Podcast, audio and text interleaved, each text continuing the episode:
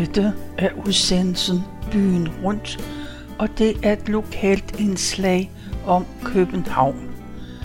Mit navn er Tove Christensen, og jeg har været på Københavns Stadsarkivs hjemmeside, og der har jeg fundet en erindring, som Kit Bisgaard har skrevet.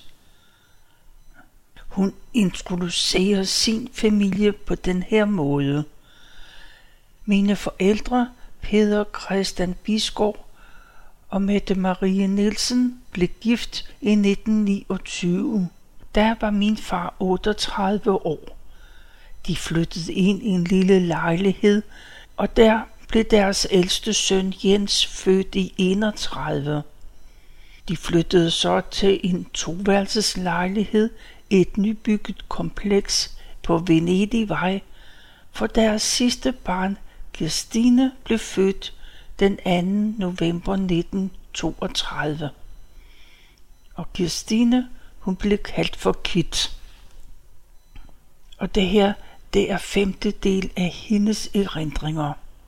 Kit Bisgaard har inddelt sine erindringer i forskellige kategorier, og vi er kommet til kapitlet Festlige dage. Og med de dage mener hun bare de dage, der ikke er almindelige hverdage. Og jeg læser.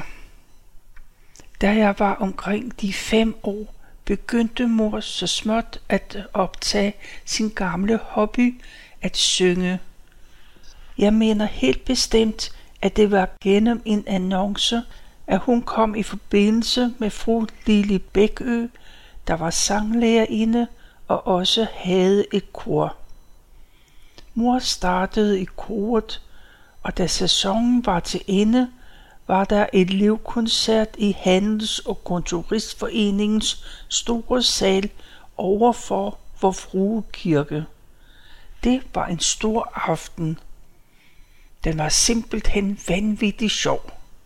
Først skulle vi jo gennem den lange koncert. Det var der ikke meget ved. Mor var jo ikke solist som alle de andre, men kun i koret, og det pinte mig meget, at hun som den eneste var i kort kjole, så hun stak helt af fra de andre. Hun havde ellers til lejligheden fået en ny, fin, storblomstret kjole på sort bund. Men endelig blev salen ryddet til dans, og jeg så nogle piger komme løbende med fru Bækkøs lille datter Karen imellem sig. Hun blev nu altid kaldt Putte og var vist en tre år yngre end jeg. Snart var Jens og jeg med i lejen, der nok mest bestod i at regne rundt efter hinanden i salen til gene for de dansende. Der var jo også trapperne til at lave gale streger på. Det var herligt. Mor bestemte sig derefter til at tage ene timer den følgende sæson. Nu havde hun også to skolesøgende børn og kunne lettere komme hjemmefra. Så det følgende år til afslutningskoncerten var hun også i lang kjole. Det var en småblomstret på lysmarine bund og en slags krebstof. Den var med små puffærmer og ellers lige op og ned. Kvinder måtte jo ikke have former på den tid. Men den havde et stort raffinement. Det var ryggen, som var et stort gitter på skro, ligesom dejstrimlerne på en tærte. Det havde været et kæmpe arbejde at sy den ryg, og mor havde selv begået den, i modsætning til den korte året før, som var købt færdigt. Festen efter koncerten blev akkurat lige så sjov som året før. Tante Ellen havde en tante og onkel, tante Anna og onkel Hans. Det var et par elskelige gamle mennesker. Det hed Hammer til efternavn, og deres søn Henning, der var gift med en norsk dame, havde tre drenge. En gang havde tante Anna en af drengene med hos onkel Møllers. Han var forfærdelig lille vildbasse, og hun kunne godt nok ikke styre ham. Hammers havde også en plejedatter, Rimor, som havde en balletuddannelse. Hun havde vel sagtens troet, at hun skulle få en strålende karriere, men det gik hende vel næsten som frøken Irene Holm i Herman Bangs novelle. Mor havde et udklip fra Amagerbladet, hvor der var et interview med hende som 23-årig i anledning af en af anden optræden. Her kaldtes hun den lille skønhed. Hun blev snart assistent i Ellen Fischers danseskole. Frøken Fischer var forhenværende kongelig balletdanserinde. Danseskolen lå på Amager, og her kom Jens og jeg til gå til dans, da jeg var knap seks år. Fædrene Jørgen og Paul gik der også, men ikke på vores hold. Jens og jeg holdt nu allerede op til december på grund af alle vores sygdomme, så begyndte vi forfra året efter, og der fuldførte vi og var derfor med til afdansningsballet i Handels- og Kontoristforeningen. Det var mindst lige så sjovt som fru Bækkes elevkoncerter, som jo fandt sted i de samme lokaler. Ved generalprøven, hvor vi skulle opholde os i restauranten ved siden af salen, når vi ikke var på, blev Jens og nogle drenge nu skilt læsterligt ud af rimer, fordi de havde lavet et farligt halløj. Både fru Fischer og Rimer var skrappe. Jeg har overvejet, at frøken Fischer stak en obstanasig dreng en knaldende lusing. Jens og jeg dansede altid sammen. Det var de sædvanlige begynderbørnedanse, vi lærte. Spardame, skomapolka og lignende. Når vi sang, og damerne de løfter op i skørterne, så man kan se det ene bukseben, så yndede jeg at løfte op i min lille korte kjole, så man kunne se mine bukseben, der jo gik lige ned til lort. Jeg havde naturligvis ingen anelse om, at det drejede sig om langskørtede damer fra forrige århundrede, hvis bukseben formentlig gik noget ned under knæet. Det var store dage, når vi skulle på besøg eller have gæster. Det var oftest hos den enlige faster Nick og hos onkel Møllers, vi var på besøg. Det var sjovest hos onkel Møllers, for der var jo to jævnaldrende børn. Paul var tre en halv måned yngre end Jens, og Jørgen var et halvt år yngre end jeg. Det var et handicap for mig, at de tre var drenge, men det gik nu meget godt. De to ældste var i høj grad dominerende, og sommetider legede Jørgen og jeg for os selv. Det var jeg meget godt tilfreds med. Lejen foregik næsten altid i soveværelset, så var vi af vejen for de voksne. Der var vist nok sommetider temmelig koldt, for lejligheden havde kun én kakkelovn i stuen med et fint skærmbræt for. Drengene legede mest med deres mekaniske tog, da de var blevet så store, at de havde et sådant. Det fyldte godt op på soveværelsesgulvet, og jeg kunne se for mig, hvordan de kravlede rundt på gulvet i en meget besværlig stilling, da det var forbudt at kravle på knæene, da det ville gå hårdt ud over bukserne. Paul og Jørgen fik på et tidspunkt en dampmaskine, som onkel Møller sommetider satte i gang. Naturligvis skulle børnene holde sig langt fra maskinen, som kun onkel Møller måtte betjene, så det var faktisk en gave til ham selv og ikke til drengene. Vi kom om eftermiddagen og blev som oftest til middag. Der blev serveret steg og dessert. Tante Ellens sovs var altid meget mørkebrun. For at komme dertil skulle vi altid først med linje 5 fra hjørnet af Østrigsgade og Holmbladsgade. Tre stoppesteder efter skulle vi skifte til linje 9, som havde endestation, hvor Holmbladsgade mundede ud i Amagerbrogade.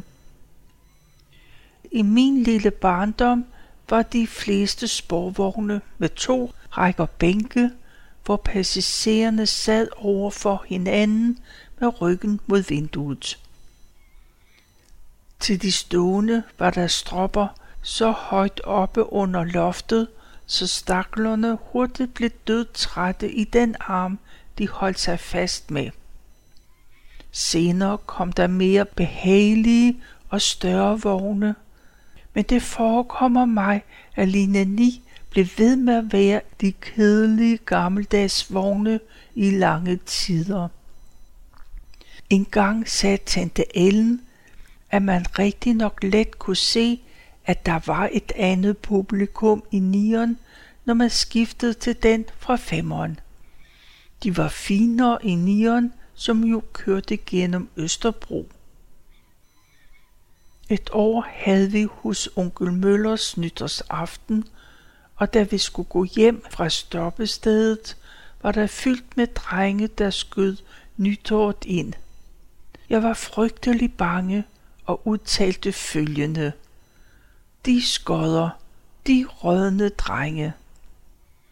En anden gang var der en fuld mand i femmeren, som stod af sammen med os.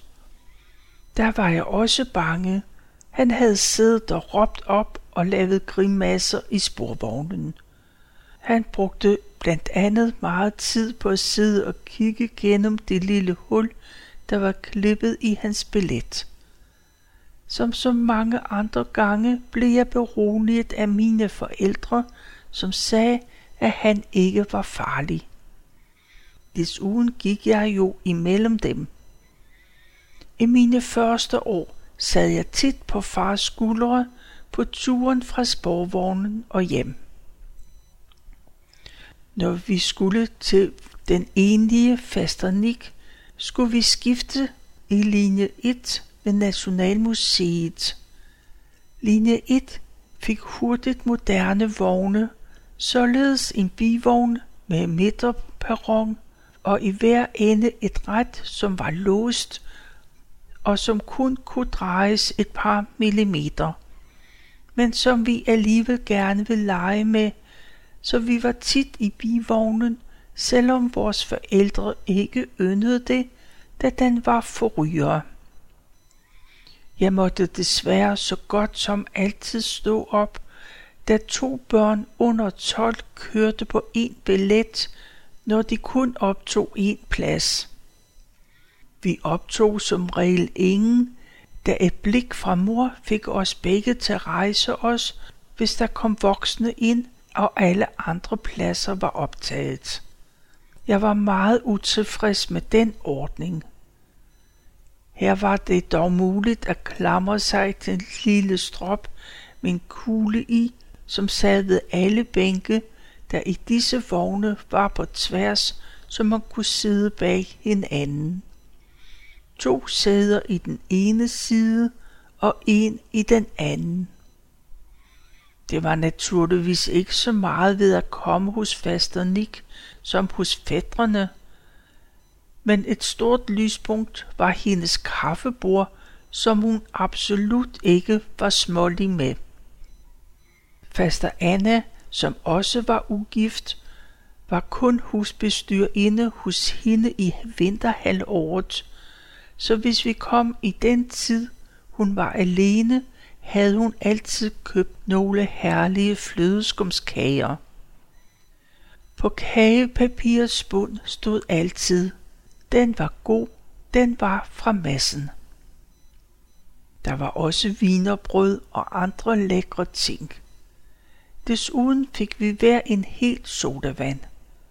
Oftest synes fasteren ikke, at vi ikke helt skulle forsømmes, så vi fik gerne et slag ludo, et spil, jeg ikke yndede helt så meget som billedlotteri, da det var så forfærdeligt at blive jaget hjem. Faster Nick havde en moderne lille lejlighed med et værelse og et kammer på Kærholmen 7 i Vandløse. Fra kammervinduet kunne vi se ud på trafikken på Grøndals Parkvej. Så der tilbragte vi mange timer i det Jenses store lidenskab var trafik. Jeg brugte en hel del tid på at slå koldbøtter, i det fastrene havde to senge, som stod med en lille gang imellem i det lille rum. De var af stålrør, og når jeg holdt i fodgærets rør, som var i en passende højde, kunne jeg slå et utal af koldbøtter i den lille gang. Jeg lyttede altid anspændt, før jeg begyndte, for jeg var overbevist om, at jeg var på forbudte veje, så hvis jeg hørte det mindste trin, var jeg som et lyn henne ved vinduet. Jeg gjorde det også på strømpesokker, så ingen mærkelige lyde kunne høres ind i stuen. Når faster Anna var i Jylland, var vi nok næsten altid kun til kaffe om eftermiddagen, da det var for meget for tante Nick at lave middagsmad. En enkelt gang inviterede hun på en prunkløs restaurant, hvor vi fik steg og brun sovs samt dessert. Det var første gang, jeg var på restaurant, så jeg var meget beæret af at få serveret af en tjener. Bagefter tog vi sporvognen hjem til faster Nick.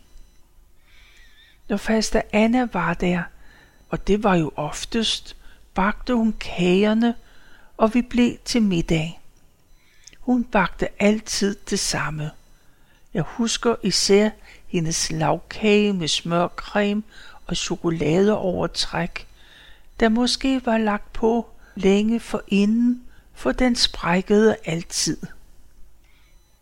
Så havde hun altid to slags småkager, en lille helt gul, ret flad og kompakt, vel en slags marengs, og en lidt større hul chokolademarengs. Til middagsmad fik vi normalt kalvesteg med sovs. Den var meget lysebrun, og vi fik næsten altid citronformage. Jeg undrer mig over faster Nicks kaffe og spisestel, i det den var ensfarvet grålig. Hos os var det daglige porcelæns ensfarvet, mens det fine var blomstret. Jeg kunne ikke forstå, at hun kun havde dagligt porcelæn, for det måtte jeg jo tro, at det var, når der ikke var dekoreret. Faster Nick havde ikke en støvsuger, kun en meget stor tæppefejemaskine. En gang mødte vi fastrenes veninde, Olga Torsbakke. Hun var lærerinde og boede i en villa et eller andet sted i Hellerup eller omegn. Hun delte nok villa med nogle andre. Vi var alle ude at gå med hendes lille skottehund, Minax, og hen og se på en hundekirkegård. Det var en meget stor dag, især på grund af villaen, for da vi kom hjem fra turen, skulle vi vaske hænder, og det viste sig, at flere kunne komme til på én gang, da der var to badeværelser, og min sanden også en håndvask i et skab på trappen. Jeg var vildt imponeret og næsten helt ekstatisk over det vidunderlige hus. Frøken Torsbakke viste man endda endnu en vandhane i kælderen. En anden meget stor dag i vores liv var det, da vores tante Elisabeth og farbror Theodor kom hjem fra Argentina med deres fire børn. Hvor var vi spændte, Især på den seksårige Frode, som var fire dage ældre end Jens. De tre andre børn var voksne. Jens Jørgen var 19, Elin 17 og Ejgil 15. Vi tog imod dem på hovedbanegården, og Frode kan huske, at vi to viftede med Dannebrugs flag, da de steg toget. Det må have været et gribende gensyn for de voksne, vel ikke mindst for de to gennem deres barndom uadskillelige brødre. Vi kørte alle til fest hos tante Elisabeths bror og svigerinde, der havde en villa i Charlottenlund. Han hed Johannes Jørgensen. De havde oven i købet en bil, som jeg var ude at køre i, måske dertil, måske nogle dage senere, da vi igen var sammen. Frode havde fortalt, at det, der imponerede ham mest, var, at vi to talte dansk. Han havde ikke kendt børn, der talte dansk, og havde vist kun været overladt til voksne i sit korte liv. Han talte uhyre voksen, synes jeg, og var meget imponeret. Far havde fortalt, at Jens Jørgen manglede to fingre, som han havde fået skåret af en hakkelsesmaskine, da han var to år. Ved bordet kom jeg til at se over på ham og fik øje på de to fingerstumper, og vel sagtens af med lidenhed kom jeg til at græde, så jeg skyndsomt kryb under bordet, så ingen kunne se det. Frodes tante havde købt en notesbog og blyant til hver af os tre børn, og jeg tegnede en lille rund figur og sagde til Frode, at så stor var Danmark.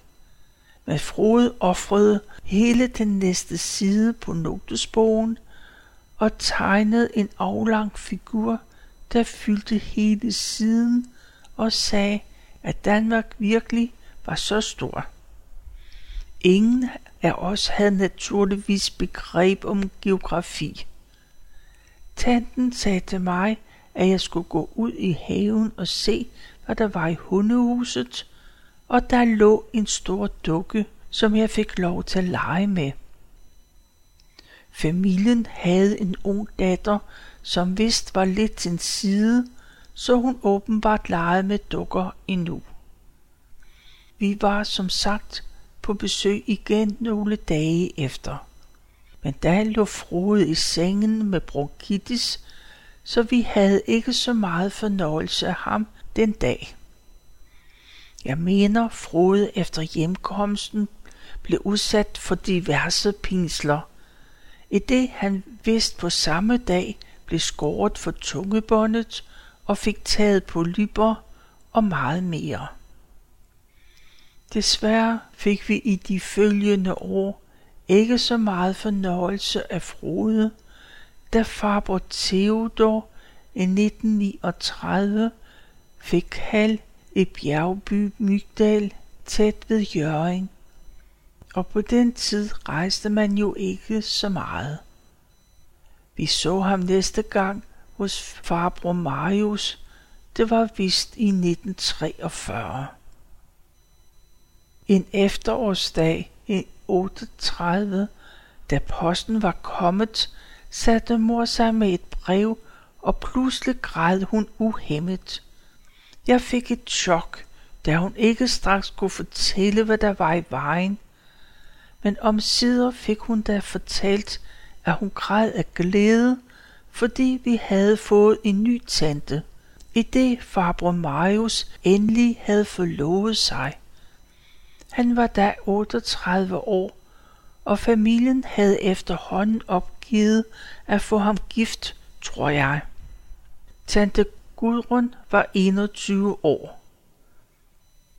Midt i vinteren kom farbror Marius over til os for at fremvise sin tilkommende. Jens og jeg var begejstret for den nye tante fra første minut. Tante Gudrun var alle tiders børneven, sød og rar og mild. Hun medbragte en bruse likørtoppe, og det var det bedste, jeg nogensinde havde smagt. Moster var en helt anden type, så der var ikke meget fest over at have hende på besøg. Onkel Bille var vist meget rar. Moster talte vist kun til os, når hun rettede på os. Hun var bestemt ikke nogen børneven, og vi glædede os aldrig, til hun kom. En gang har hun dog sagt noget til mig. Jeg tror, det var ved min morgenmad, som jeg sad alene med ved sybordet. For jeg skulle vide, hvor godt jeg havde det, sagde hun, at hendes far var blevet sendt ud at tikke mad som lille, fordi familien var så fattig. I det samme kom mor ind og hørte de sidste ord, og hun blev vred og spurgte moster, hvad det dog var, hun sad og sagde. Moster blev helt forvirret og prøvede at bortforklare, mens jeg i mit stille sind undrede mig meget over, at mor havde taget på vej. Historien var tydeligvis sand. Hvorfor måtte jeg ikke høre det? Jeg spurgte ikke mor, men regnede selv ud, at det nok var, fordi mor ikke ville have, at moster prøvede at give mig samvittighedsnag over, at jeg havde det så godt.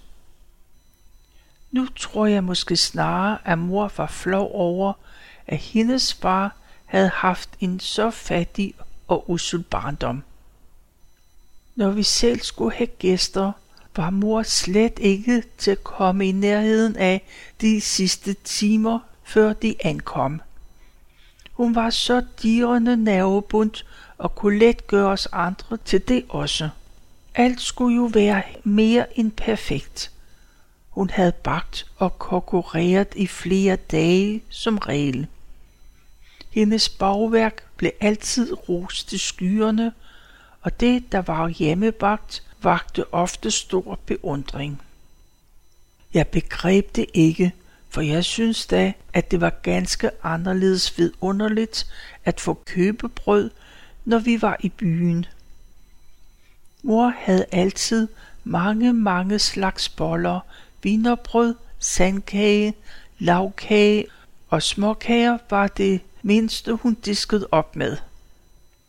Hun var især berømt for sine rungstedtærter med masser af remoncer med nødder og mandler, og over det fint flettet gitterværk. Jens og jeg fik i dagens anledning en sodavand til deling i vores små fine glaskrus med hank. Jenses var blåt, og mit var grønt. Hvis gæsterne skulle blive til middag, var mor optaget i køkkenet en stor del af eftermiddagen. Men dog ikke i så høj grad som tante Ellen, som næsten ikke viste sig i stuen, når der var selskab. Når gæsterne var gået, var mor ikke den, der lod noget som helst stå til næste dag. Alt skulle være blæst, før hun lagde sig. Jeg var i biografen to gange, før jeg kom i skole. Det var i en biograf, der lå på Amagerbrogade, tæt ved Nions endestation. Den hed Aladdin. Den første film var en gø- og gokkefilm, hvor det, der fik mig til at grine mest, var, at de drak et af landet så hurtigt, at det sprøjtede ud af deres ører. Den næste film var Walt Disneys Snevide. Jens og jeg skulle sidde på en af de forreste rækker, da det var billige børnepladser. Far sad så noget længere nede. Hver gang den uhyggelige onde heks så sig i spejlet, måtte jeg kigge ned til far, da jeg var alt for redselslagen til at kigge på lærredet. Jeg fik snevide og de syv dværge som påklædningsdukker, og dværgenes navne stod på deres fødder, så dem fik jeg hurtigt lært. De havde vist kun det tøj, de gik og stod i, men Snevide havde nogle helt pragtfulde lange kjoler. Gnavports bukser var nærmest kødfarvet, så det så ud, som om han havde bare numse. Det var så langt jeg nåede, at den femte del af Kit Bisgaards erindringer. Du kan læse hele beretningen på Københavns Stadsarkivs hjemmeside. Og nu har jeg bare tilbage at sige tak, fordi du lyttede med.